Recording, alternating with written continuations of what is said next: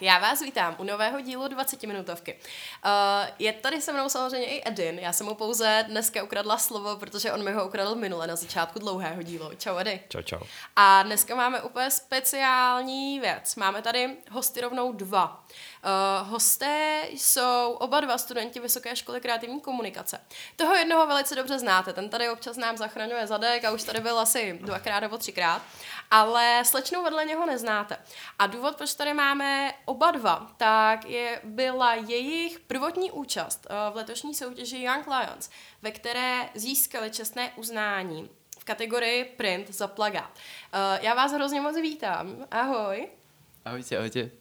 Ahoj. Tak uh, Šimon Zlejší, toho znáte, jak jsem říkala, slečna vedle, vedle Šimona, Simona Sajdlová. Já jsem vás takhle hrozně v rychlosti jenom představila a já bych se rovnou chtěla pustit k té soutěži Young Lions, protože prostě máme vás tady dva a je toho strašně moc, co musíme stihnout ve 20 minutách.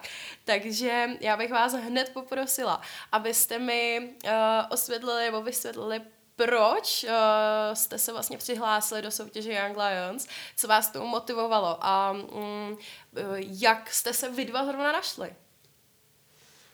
Tak, eh, no my sme sa snažili prihlásiť do tejto súťaže už minulý rok, kde sme vlastne nemali možnosť sa, teda nebolo nám to umožnené, pretože sa losovalo z troch tímov a iba dva boli vybrané a my sme boli práve ten tretí. Takže tento rok sa nám to podarilo a Chceli sme sa prihlásiť do tejto súťaže hlavne z toho dôvodu, že sme obaja dosť kreatívni ľudia a táto súťaž je dosť o kreativite, o nápadoch a o nejakej stratégii a veľmi jednoduchom spracovaní jednej myšlienky. Takže videli sme to ako nejaký ideálny meč proste pre naše skills. Sorry za tie anglické slova. Ale proste tak to bolo pre nás úplne ideálna súťaž a No. A hlavne sme to videli ako skvelú príležitosť sa nejakým spôsobom otestovať, vzhľadom na to, že sme tam mali iba 24 hodín na vypracovanie celého briefu a preukázanie, že ako skutočne si zaslúžime ten titul alebo nejaké to prvé víťazné miesto. Mm-hmm. No a bola to ako skvelá príležitosť zistiť, či na to máme aj do toho budúcna, alebo vlastne nie a môžeme to rovno zabaliť. Vy jste říkali, že jste se vlastně hlásili už minulý rok, ale že vám to nevyšlo. Z jakého důvodu vám to nevyšlo? Uh, nevyšlo nám to, pretože nám neprijalo šťastie, poviem to takto. A vlastne tá registrácia je tam spoplatnená, platí sa 10 tisíc a nám to sprostredkovala škola s tým, že vlastne vyberala z viacerých tímov, ktoré sa prihlásili. Vybrali to na základe nejakého žrebovania a hlasilo, hlasilo sa tri týmy a vybrali dva a my sme boli ten tretí, takže... Ja by som uh, možno rovno sa pustil ešte trošku bližšie do tej súťaže, pretože nie že všetci poslucháči úplne vedia, čo to Young Lion súťaž je, i keď samozrejme je to v tom svete marketingu veľmi ako populárna a známa, známa vec. Takže uh, opravte ma, pokiaľ sa milím, je to proste súťaž, kde sú ľudia poparovaní, teda sú tam týmy a vlastne je tam 24 hodín na vypracovanie nejakého kreatívneho briefu. Mám to správne, áno. Uh, Máš to správně a já tě teda krásně doplním, Edy, protože jsem se si čekala, eh, kdy tady tu otázku položíš okay. a mám to tady připravené. Jo. Uh, česká verze Young Lions patří k naprosté světové špičce v oblasti rozvoje kreativního myšlení a klíčových schopností a dovedností potřebných pro špičkové profesionály v oboru.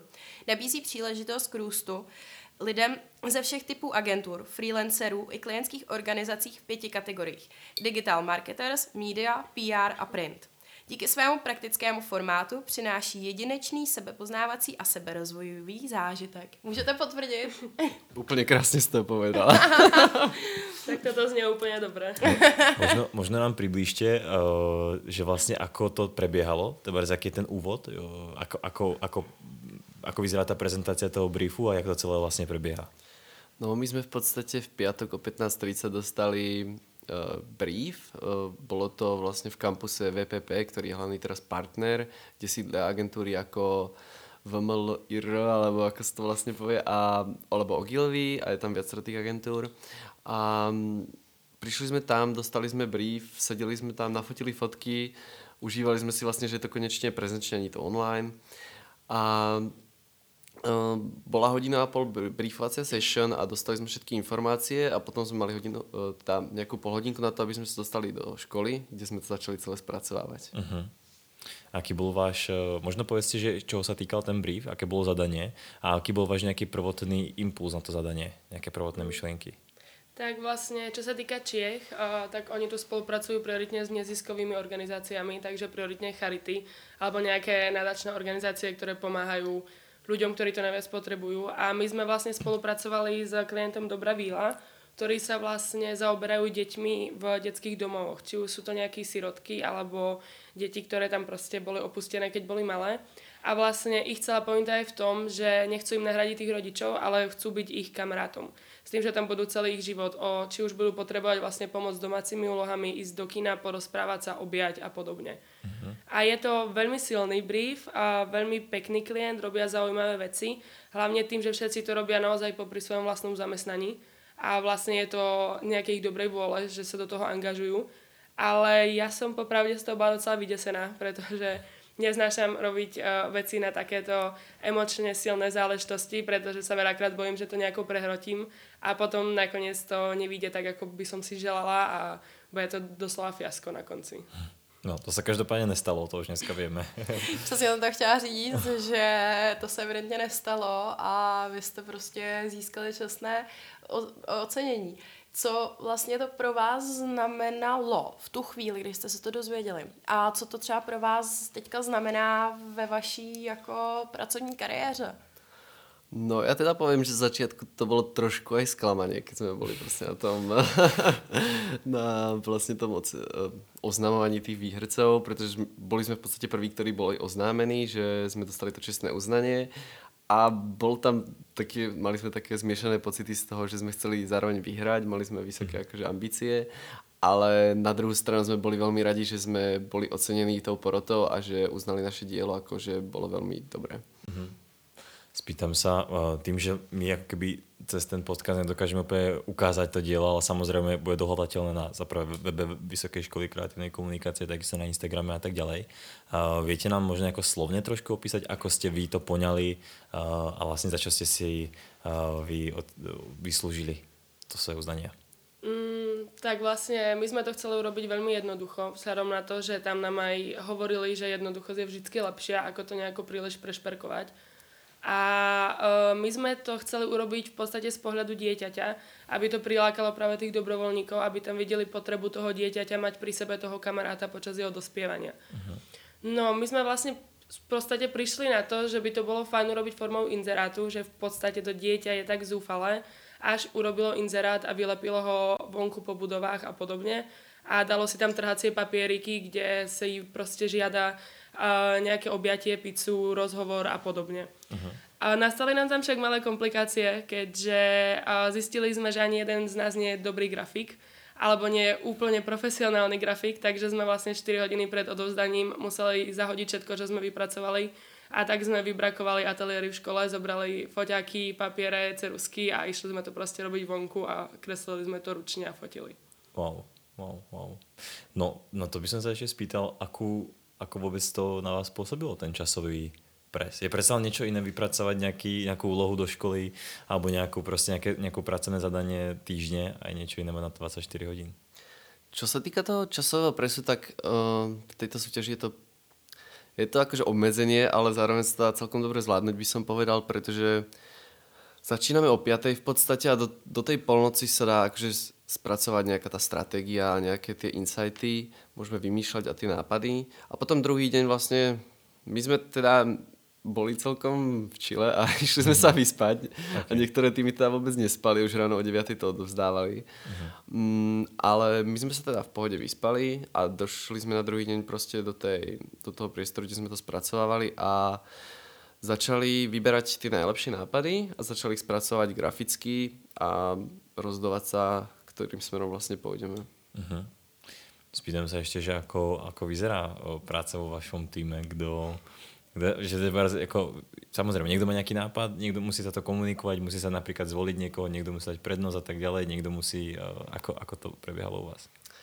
Tak no, my máme taký dosť jedinečný tým, pretože často v tejto súťaži býva kombinácia nejakého arťáka, ktorý je trošku viac grafický dizajner a potom nejakého idea makera alebo copywritera. Uh-huh. A my v podstate obaja sme tí idea makery a ja som trošku grafický dizajner a my sme sa práve strašne báli toho grafického spracovania, že nás to môže položiť na kolená. To bol celkom strach, ale nakonec sme to nejako sa vynašli a zvládli to proste. A hlavne ja si myslím, že my tam máme tú zdravú stabilitu, pretože vlastne Šimon je trošku viac strategicky orientovaný a ja tie stratégie veľmi nemusím. Takže on vymyslí všetko to bokom a ja to potom spracujem keď tak do toho o, konečného nápadu a myslím, že sa takto docela dobre doplňame v tomto. Mm-hmm. Takže ani jeden byste svého spolupracovníka neměnili, jo? Určite nie. Tam taká dobrá rovnováha. My sme také opaky a doplňame sa dosť. Mm-hmm. Uh, ja sa spýtam vlastne, Jozefi to už naznačila. Uh, aký je váš ďalší výhľad? Samozrejme na to, že či sa plánujete súčasť nejakých ďalších súťaží podobných, alebo uh, či nejakým týmto spôsobom... Takto, aby som začal postupne. Plánujete sa súčasť nejakých ďalších súťaží? uh, tak určite by sme to skúsili ešte ďalší rok. Young Lions. Mali sme ešte rozbehnuté iné súťaže toho roku, ale vzhľadom na to, že vlastne teraz skončíme, musíme riešiť aj bakalárku a všetky veci okolo, takisto obidvaja pracujeme popri tom, tak tie časové možnosti boli naozaj obmedzené. Tak sme museli zvoliť tú prioritu a vybrali sme si Young Lions práve kvôli tej exkluzivite. Uh-huh. Jaké další soutěže právě například jste zvažovali? Vlastne my sme sa chceli zúčastniť uh, súťaže na vytvorenie kampane pre japonské pivo Asahi. Uh-huh. Tam sme vlastne mali vytvoriť uh, kampaň pre Francúzsko, Slovensko, Česko a ešte nejaké krajiny. Ešte Maďarsko. no. A, ale vzhľadom na to, že to bolo oveľa viac časovo náročnejšie ako Young Lions, tak sme to nakoniec pustili k vode, uh-huh. pretože ďalšia z výhod Young Lions je to, že to trvá vlastne 24 hodín. Uh-huh. Takže sa zúčastníme, môžeme z toho získať nejaké benefity a nezaberie to až tak veľa času. Uh-huh. Namotivovalo vás to nějak hodně uh, se věnovat právě třeba i víc trošku té grafice, na které jste tedy sami řekli, trošičku jste pokulhávali, a nebo jak vás to vlastně třeba takováhle soutěž jako změnila? No my vlastne, keď uh, sme dostali feedback na tú našu um, na tú našu prácu, tak sme boli celkom prekvapení, že s tým grafickým spracovaním boli teda veľmi spokojní, povedali, že sa im to veľmi páčilo a že voči tomu nemali až nejaké extrémne veľké výhrady, čo sa týka grafického hľadiska. Takže sme na tento náš hlavný weakness, ktorý sme vlastne my tak uh, akože považovali, tak uh, sa ukázal, že nebola až taká veľká slabosť a mm na budúce zapracujeme ešte trošku na tom a budeme ešte lepší. Uh-huh. No tak to vám určite budeme držať palce, že jo? Ja by som sa možno spýtal, by som to nadviazal vlastne, nejakou vode sme sa dotkli toho, že tam aj kde, sa to organizuje a tak, tak vlastne tam sídlia veľké agentúry a tak. Vy ste zároveň spomenuli, že obidva popri tom pracujete. Je toto možno nejaká cesta, ktorá potom to si myslíte, že by bola možno aj pre vás, nejako zapojiť sa do nejakého veľkého agentúrneho týmu, možno nejakého špičkového, robiť nejaké kreatívy pre nejaké veľké, veľké značky, veľké kampane, alebo kde sa vlastne vidíte v tom svojom pracovnom živote? Aj prihľadnúť na to, že ste uspeli v tejto súťaži. No, v prvom rade musím povedať, že tá súťaž nám docela otvorila dvere v tom našom profesnom živote, pretože vlastne ubehol necelý týždeň a už sa nám začalo ozývať pár agentúr, že by sme chceli vlastne prehodnotiť nejakú spoluprácu a porozprávať sa o tom. Čo sa týka agentúrneho života, tak určite chcem robiť niečo kreatívne, ale neviem, či som práve agentúrny človek, uh-huh. pretože vlastne teraz mám skúsenosť s prácou v korporáte, kde som docela viazaná nejakými pravidlami a rôznymi zákonmi kvázi firemnými a s tým veľmi spokojná nie som. Takže uvidíme, čo sa týka mňa a nejakej mojej pracovnej budúcnosti. A ja by som ešte doplnil, že my sme túto súťaž brali dosť aj ako PR, nielen čisto ako nejakú zábavku, kde si otestujeme naše skills. A snažili sme sa vlastne počas celej tej súťaže byť dosť viditeľní, pridávali sme príspevky, či už na Instagram alebo na LinkedIn a vlastne malo to veľmi dobrý dosah a veľa ľudí si nás všimlo, takže toto bola taká pridaná hodnota pre nás a zároveň jeden z cieľov, ktorý sme chceli dosiahnuť toto súťažou. Uh-huh. A vyjadri sa možno aj ty, Šimon, rovno, teda, že či tvoje kroky by možno mohli smerovať do nejakej agentúry? Jasné, tak um, ja práve, že teraz dosť prehodnocujem moju budúcnosť, lebo som plánoval ísť na vysokú školu, ale teraz uh, prišli celkom zaujímavé ponuky a Eh, je to teraz otázne a určite ma viac láka tá práca ako nejaká ďalšia teória v škole, takže mm, ja budem asi smerovať do agentúry pravdepodobne. Uh-huh. Máš nejakú takú, že uh, či už by sa ti nejaká rysuje, alebo to nejakú takú vysnívanú? Niekde by si chcel? Uh, mňa zaujíma skôr by som asi povedal, aký typ práce by ma zaujímal. Uh-huh. Mňa zaujíma nejaká práca toho idea makera, nečisto ako grafika a nečisto ako copywritera, niečo, niečo medzi. Niekto, kto spolupracuje na vizuále. Už aký kreatív direktor treba. Áno, áno, to je môj cieľ, akože finálny uh, pracovný, kam sa dostať postupne určite. Uh-huh. Jozefi. Jaké máš otázky? no, já vlastně to tady jenom nasávám, protože ono z nich jde strašně jako dobrý vibes a jde vidět, jak vás ta soutěž jako nakopla a jak uh, prostě ty zkušenosti, úplně vám to vlastně závidím, jo. uh, takže já jenom tak jako přemítám, tady na vás koukám a přemýšlím, že tyjo, uh, něco takového pro mladý lidi je ohromný úspěch a pokud, jak říkáte, uběhl jenom týden a už jako se na vás takhle sypou nějaké pracovní nabídky, to je přece jakoby m, mm, pro nás v našich 23 letech úplně něco jako vlastně wow. A uh, já bych se ještě spíš chtěla zeptat, uh, jakým způsobem, kromě teda toho, že vlastně to jako teda zaplatila, uh, jakým způsobem vás třeba ještě podporovala nebo motivovala vás vlastně k té účasti v Young Lions? My máme kopec skvelých učiteľov, ktorí určite nás poprvé skalo pripravili na túto súťaž. A fakt ako mm, idú do nás tým spôsobom, aby sme e, išli potom fakt core myšlienke a mhm. aby sme vytvorili fakt ten jednoduchý nápad a dokázali to odprezentovať na jednom plagáte, pretože veľa ľudí nedokáže čisto iba na tom jednom malom plagáte odprezentovať tú myšlienku dostatočne jasne, aby to pochopili tí uh, vlastne potom diváci, ktorí uvidia ten plagát. A je to, to je akože najväčšia výzva celého toho nášho, tej kategórie printu. To odprezentovať nejako jednoducho. A veľa tých tímov, čo sme tam videli, tak malo tie myšlienky dosť komplikovane spracované. A my sme sa práve snažili tú myšlienku tam dať úplne jednoducho a myslím si, že to bol aj základ našeho úspěchu. Uh-huh. Už vlastně na začátku nějak jste zmínili, že právě v, v té jednoduchosti je ta síla Young Lions, uh, což se tedy evidentně asi potvrdilo. Uh, mě by zajímalo, ale kdo vám to řekl, to v jednoduchosti je síla, kdo vám to poradil? Uh, vlastne my sme na tej uh, briefing session tam mali v podstate rozhovor aj s tými porodcami, a viacerí z tých porodcov sa zúčastnili priamo tej súťaže, niektorí aj viackrát, napríklad jeden myslím, že tam bol 5 krát. Takže ona vlastne hovorila aj svoje vlastné poznatky mm-hmm. o tom, ako to prebieha, aký tam je ten časový nátlak, s čím ako by sme si mohli poradiť lepšie, ako si napríklad poradil on. A práve tam padlo viackrát ako z úst tých porodcov, že radšej to príliš nepremýšľať nad tým a nešperkovať to, pretože väčšinou tie prvotné a jednoduché nápady sú tie najlepšie. Mm-hmm. Kolika člená porota vlastně rozhoduje o pořadí? Bola to štvorčlená porota, e, zložená z, rôzne, z rôznych ľudí.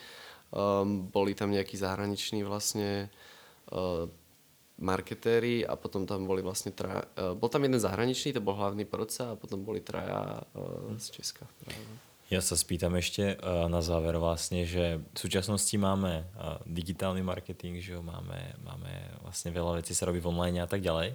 Um, predpokladám, že tu print ste si vybrali vy tú kategóriu, že vy ste sa ako keby rozhodovali, kam sa chcete zapojiť. Um, prečo zrovna print? No, my sme na to išli trošku salským rozumom a čakali sme, že ten print bude najjednoduchšia kategória. Okay. Tak sme si vlastne vybrali ju. Ale tak sme zistili, že je to vlastne jedna z najťažších a najviac challengeových kategórií, vzhľadom na to, že ako už hovoril Šimon, tak vlastne celý ten brief a celý ten nápad musíme dať iba na jednu a trojku a musí to vystihovať všetky emócie, všetky pocity a všetko, čo chceme. Mm-hmm. Ja by som povedal, že ten výstup je v podstate veľmi jednoduchý, ale čo sa týka kompetitívnosti v tejto kategórii, tak je to jedna z akože najťažších, čo sa týka súťaží vlastně mm. mezi ostatnými týmami. Pokud se zúčastníte Young Lions ještě jednou nebo vícekrát, uh, bude to v té stejné kategorii? Zase print? Nebo mm. zvažujete i právě jinou kategorii? My sme teda premýšľali ešte nad uh, digitálom, ale myslím si, že ak pôjdeme znovu, tak asi pôjdeme znovu na print a, a potom uvidíme. Mm. No tak jo, tak my vám každopádně budeme určitě držet hrozně moc palce i v příštích ročnících. Doufáme, že vás uvidíme abychom tady měli komu vlastně fandit, že jo. A my vám hrozně moc děkujeme za dnešní hrozně quick rozhovor, ale myslím si, že jsme uh, řekli všechno potřebné a určitě vás velice rádi někdy uvidíme i nebo uslyšíme i v dlouhém díle. Mějte se krásně, ještě jednou moc děkujeme. Aj my moc děkujeme. Děkujeme za pozvání, ahoj.